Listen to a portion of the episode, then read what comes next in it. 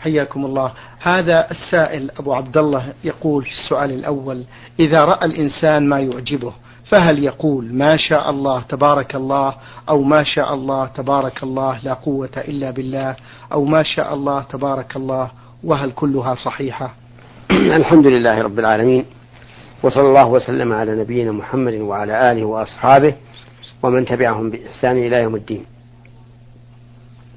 إذا رأى الإنسان ما يعجبه في ماله فليقل ما شاء الله لا قوة إلا بالله.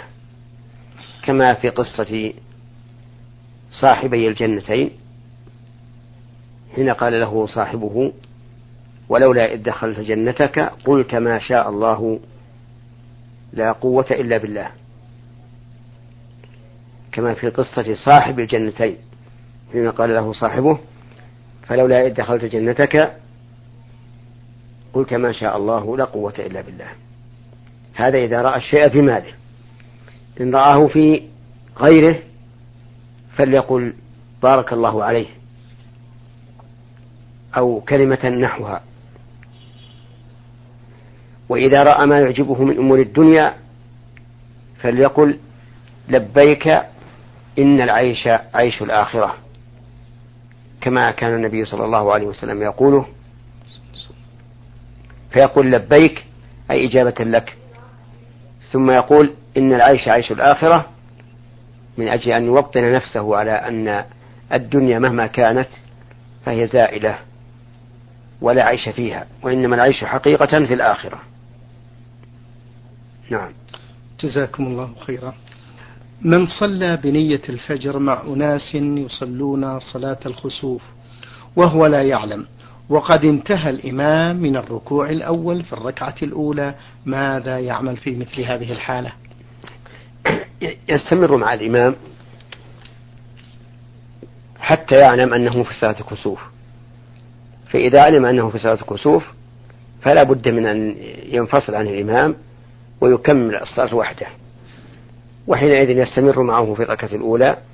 فإذا قام إلى الثانية وركع الركوع الأول ثم قام وقرأ فحينئذ علمنا أن هذه صلاة الكسوف فلينمو مفارقته وليكمل. نعم. إذا دخل معه في الركعة الثانية في التشهد. هذا ما في إشكال. ما في إشكال. ما في إشكال. طيب. الإشكال فيما إذا دخل معه في حال تختلف فيه الصلاة. طيب. بارك الله فيكم. سعد عبد الوهاب من خميس مشيط يقول ذكر في القرآن الكريم في سورة القصص مدين التي ذهب إليها رسول الله موسى عليه أفضل الصلاة والسلام. فأين تقع مدين مأجورين؟ هذه يظهر والله أعلم أنها آه، تقع في صحراء آه، مصر. لأنه قال فلما توجه تلقاء مدين قال عسى ربي أن يهديني سواء السبيل وأرجو من الأخ السائل أن يرجع إلى كلام أهل العلم في هذا. جزاكم الله خيرا. حمادة محمد من جمهورية مصر العربية يقول في هذا السؤال هل يجوز لي أن أتزوج ابنة خالي مع العلم بأنها رضعت مع أخي الأصغر؟ إذا كانت رضعت من, من أمك أو من زوجة أبيك فإنها لا تحل لك لأنها تكون أختا لك. ولكن لا بد أن تعلم أن الرضاع لا يكون محرما إلا إذا كان خمس رضعات فأكثر وفي وقت الإرضاع. وهو إما الحولان على رأي أكثر أهل العلم وإما ما كان قبل الفطام على الرأي الثاني. نعم. جزاكم الله خيرا. هل يجوز للمؤذن أن يؤذن من غير وضوء؟ نعم يجوز أن يؤذن على غير وضوء. لقول عائشة رضي الله عنها كان النبي صلى الله عليه وعلى آله وسلم يذكر الله على كل أحيانه والأذان ذكر. نعم. ما هي السنن الصحيحة قبل وبعد كل صلاة؟ أما صلاة العصر فليس, فليس قبلها راتبة ولا بعدها راتبة. وأما صلاة الفجر فقبلها راتبة ركعتان فقط خفيفتان. يقرأ في الأولى يقول يا أيها الكافرون وفي الثانية قل هو الله أحد. أو يقرأ في الأولى قولوا آمنا بالله وما أنزل إلينا وما أنزل إلى إبراهيم وإسماعيل وإسحاق ويعقوب والأسباط. وما أوتي موسى وعيسى وما أوتي النبيون من ربهم لا نفرق بين أحد منهم ونحن له مسلمون. وفي الركعة الثانية قل لأهل الكتاب تعالوا إلى كلمة سواء بيننا وبينكم ألا نعبد إلا الله ولا نشرك به شيئا ولا يتخذ بعضنا بعضا أربابا من دون الله. فإن, فإن تولوا فقولوا اشهدوا بأننا مسلمون. فيقرأ بهذا مرة وبسورة قل يا أيها الكافرون والإخلاص مرة ثانية. لأن السنة وردت بهذا وهذا. أما الظهر فلها راتبة قبلها وراتبة بعدها. فأما الراتبة قبلها فهي أربع ركعات بتسليمين. وأما الراتبة بعدها فهي ركعتان. وأما المغرب فلها راتبة بعدها ركعتان. وأما العشاء فلها راتبة بعدها ركعتان أيضا. وحينئذ تكون الرواتب اثنتي عشرة ركعة. ركعتان قبل الفجر وأربع قبل الظهر وركعتان بعدها وأربع وركعتان بعد المغرب وركعتان بعد العشاء. ينبغي الإنسان أن يحافظ على هذه الرواتب لأن من صلى في اليوم والليلة ثنتي عشرة ركعة بنى الله له بيتا في الجنة ولأن هذه الرواتب تكمل بها ما أو يكمل بها ما نقص من الفرائض. لأن الإنسان وإن صلى الفريضة فلا يخلو من نقص وتقصير وهذه الرواتب شرعها الله عز وجل لتجبر النقص. نعم. جزاكم الله خيرا. السائل يقول ونحن نصلي نكون قد أكملنا الصف الأول فيدخل شخص من المصلين ويكون في الصف الثاني بمفرده فيرجع واحد من الصف الأول ليصلي بجواره. هل هذا العمل صحيح؟ هذا العمل غير مشروع. بل إذا جاء إنسان وقد تم الصف الذي قبله فليقف وحده يصلي منفردا للعذر لأنه حينئذ يكون معذورا إذ لو وجد مكانا في الصف لدخل فيه. ولا ينبغي أن يجذب, أحدا ولا ينبغي أن يتأخر معه أحد أيضا لأنه إذا تأخر معه أحد بقي الصف الذي أمامه آه، فيه فرجة بقي فرجة في الصف الذي أمامه. وهذا خلاف المشروع في الصفوف أن أن لا يدعوا فرج فرج الشيطان. وهذا الذي ذكرناه وهو أنه يجوز للإنسان إذا جاء ووجد الصف تاما أن يصلي وحده خلف الصف هو القول الراجح الوسط بين قولين. أحدهما يقول لا يصح أن يصلي منفردا خلف الصف. على كل حال والثاني يقول يصح أن يصلي على كل حال. وهذا الذي ذكرناه من التفصيل وهو أنه عند العذر يجوز. هو ما اختاره شيخ الإسلام ابن تيمية رحمه الله وشيخنا عبد الرحمن بن ناصر بن سعدي رحمه الله. جزاكم الله خيرا. يقول السائل أفطرت يوما من رمضان بدون عذر شرعي فهل أصوم اليوم بيوم واحد أم بشهرين؟ لا ندري بماذا أفطر. إن كان أفطر بجماع وهو يعلم أن الجماع محرم فعليه الكفارة عتق رقبة فإن لم يجد فصيام شهرين متتابعين فإن لم يستطع فيطعم ستين مسكينا.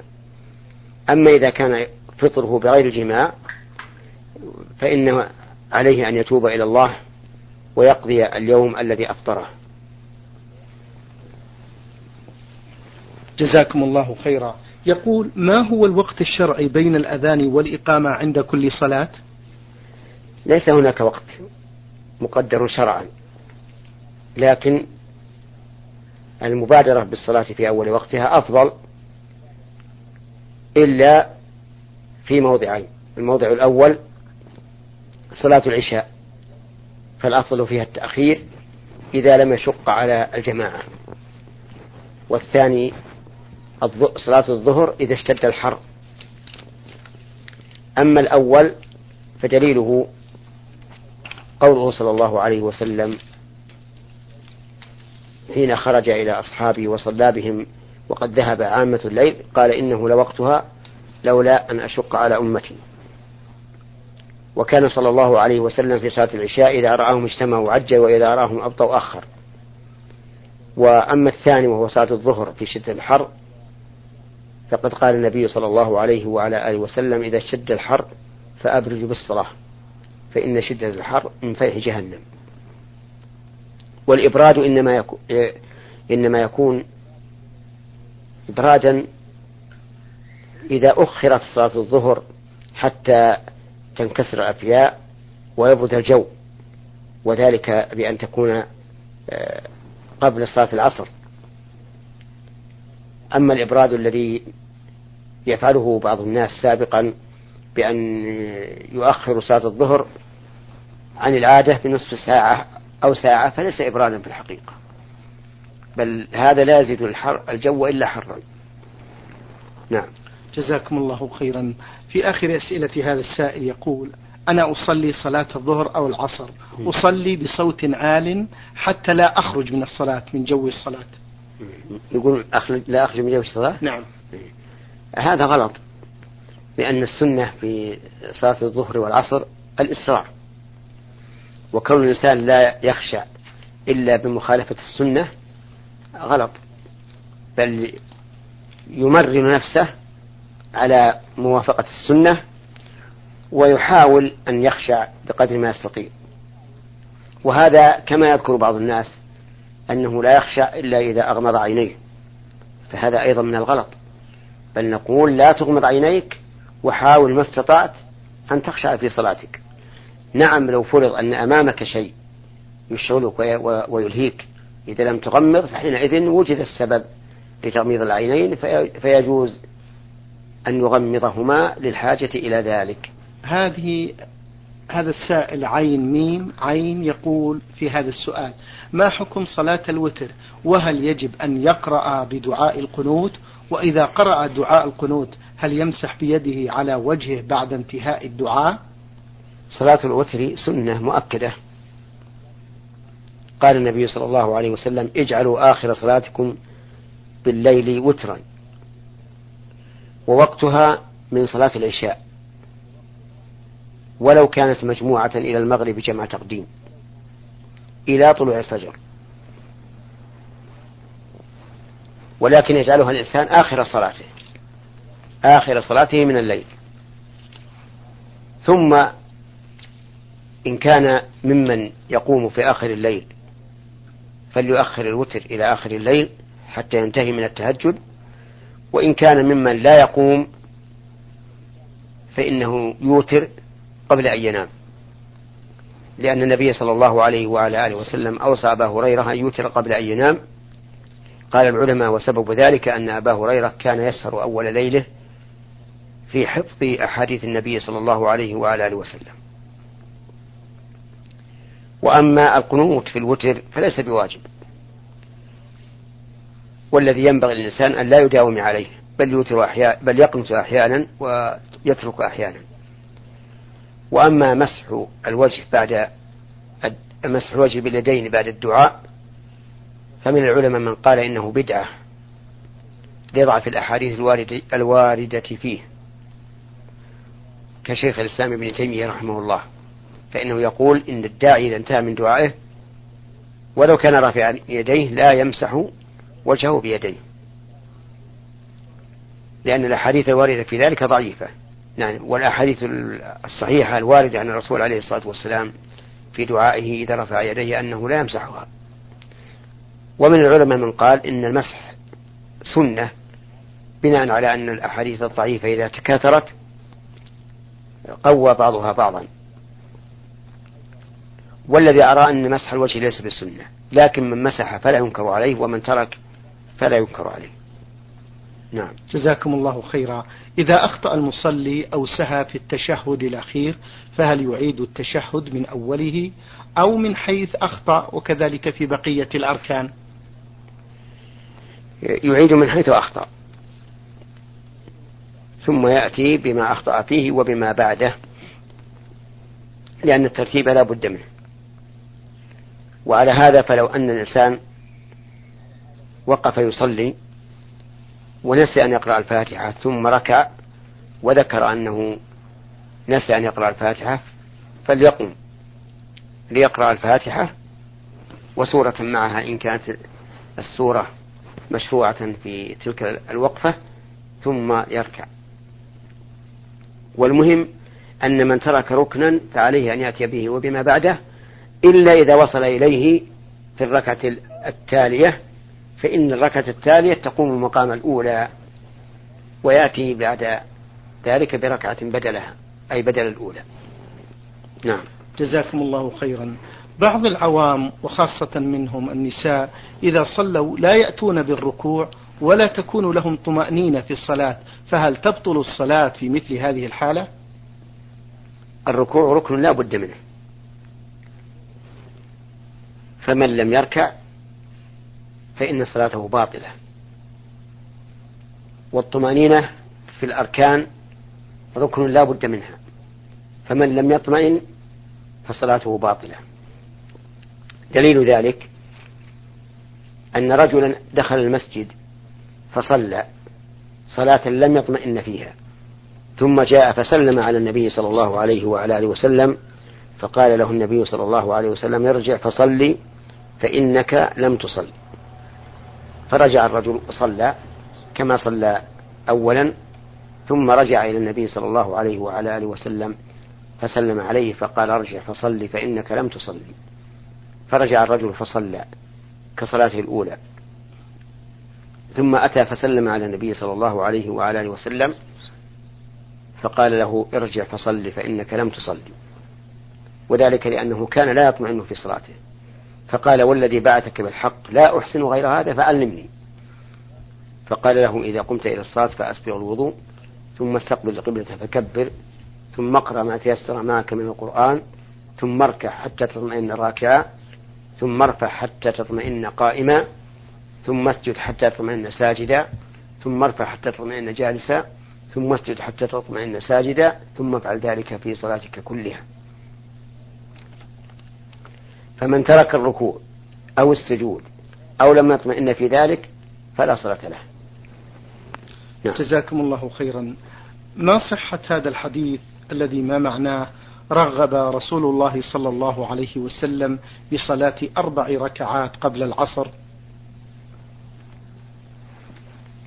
الحديث رحم الله امرأ صلى قبل العصر أربعا لكن في صحته نظر.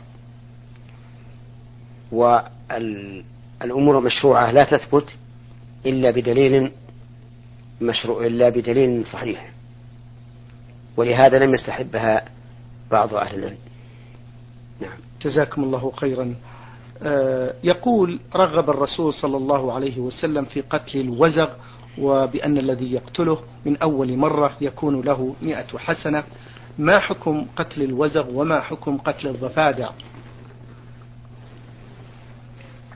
أما قتل الوزغ فإنه سنة وفيه أجر عظيم.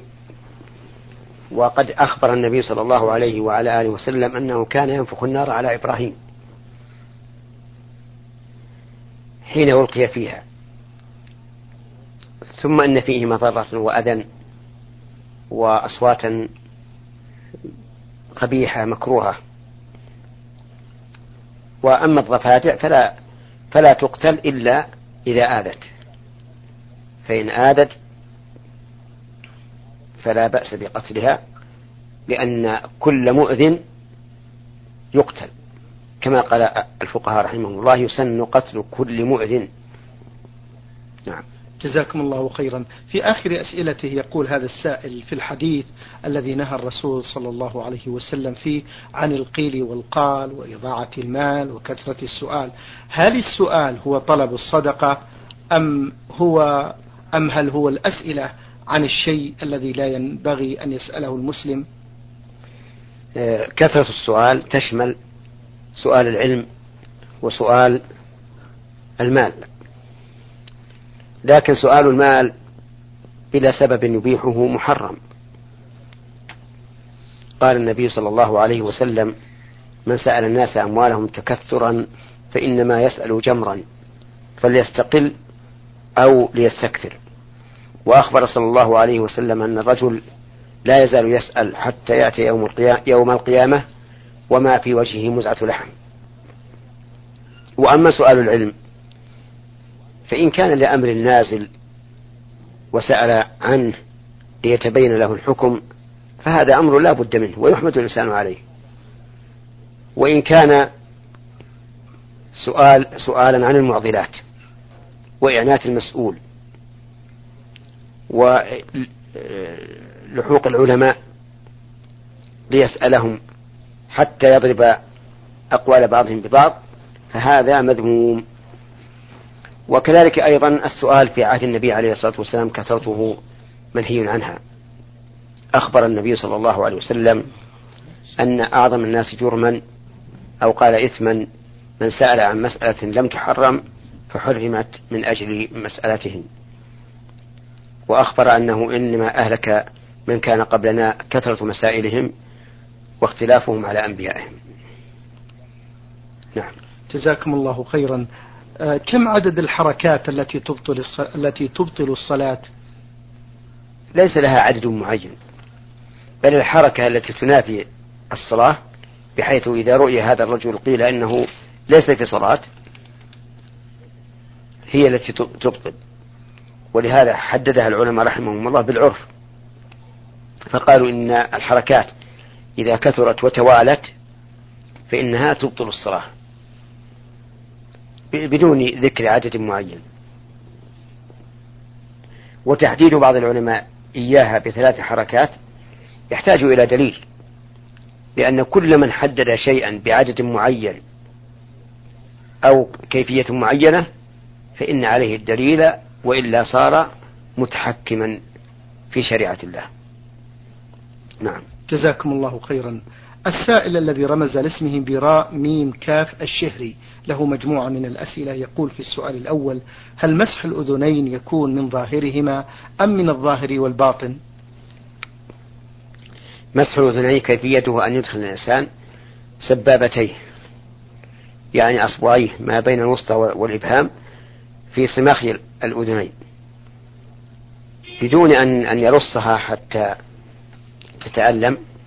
يدخلها في الصماخ والإبهام يمسح به ظاهر الأذنين وهو الصفحة التي تلي الرأس. نعم. يقول كيف تمحو الحسنة السيئة؟ هل تذهب السيئة وتبقى الحسنة؟ نعم هكذا قال الله عز وجل. قال الله تعالى إن الحسنات يذهبن السيئات.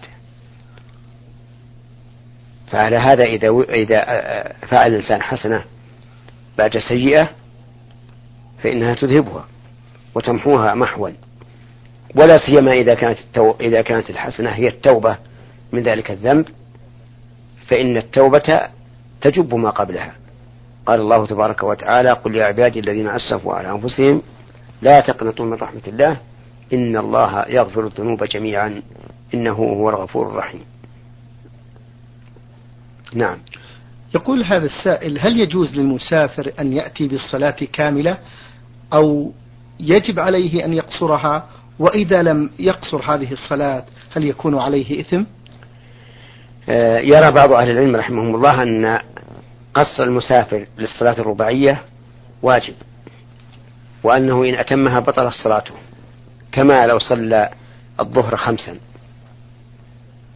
ويرى آخرون أن القصر سنة مؤكدة وليس بواجب وأن الإنسان لو أتم وهو مسافر كان غير مصيب للسنة لكن صلاته لا تبطل وهذا القول هو, هو الأصح.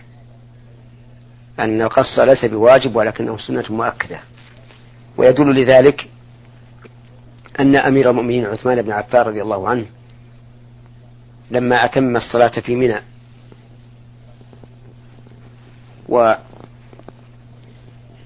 ذلك من كره من الصحابة رضي الله عنهم حتى أن ابن مسعود رضي الله عنه لما بلغه ذلك قال إنا لله وإنا إليه راجعون. لكنهم رضي الله عنهم كانوا يصلون خلفه أربعا. ولو كان القص واجبا ما صلوا خلفه أربعا. لأنه إذا كان القص واجبا فإن من زاد عليه بطلت صلاته.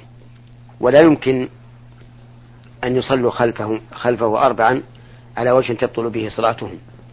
وهذا مما قوى عندي القول بأن قصر المسافر للصلاة ليس بواجب وإنما هو سنة مؤكدة. نعم. جزاكم الله خيرا. يقول سمعت بأن حضور القلب في الصلاة يقول هذا السائل سمعت بأن حضور القلب في الصلاة سنة. وأن الإنسان لا يكتب له من صلاته إلا ما عقل منها. فكيف يكون ذلك؟ وهل عدم حضور القلب في الصلاة يبطل الصلاة؟ اختلف العلماء رحمهم الله فيما إذا لم يحضر القلب في الصلاة. هل تبطل أم لا؟ إذا كان أكثر صلاته لم يحضر فيها قلبه. فمن العلماء من قال إن الوسواس يعني الهواجيس إذا غلبت على أكثر الصلاة بطلت الصلاة. لكن قول الجمهور لا تبطل ولو غلب الوسواس على أكثرها. واستدل هؤلاء يعني الجمهور بأن النبي صلى الله عليه وعلى آله وسلم أخبر أن الشيطان يأتي إلى الإنسان في صلاته فيقول له اذكر كذا وكذا يوم كذا وكذا حتى لا يدري كم صلى. وهذا يدل على أن الوساوس لا تبطل الصلاة.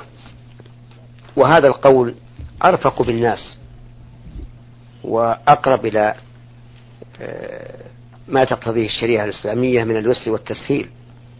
لأننا لو قلنا ببطلان الصلاة في حال غفلة الإنسان وعدم حضور قلبه لبطلت صلاة كثير من الناس. وإن كان القول بالبطلان لا يستلزم هذا لأنه, لأنه ربما إذا قلنا إن إنه إذا غلبت الوساوس على أكثر الصلاة بطلت ربما يكون هذا سببا لشد الناس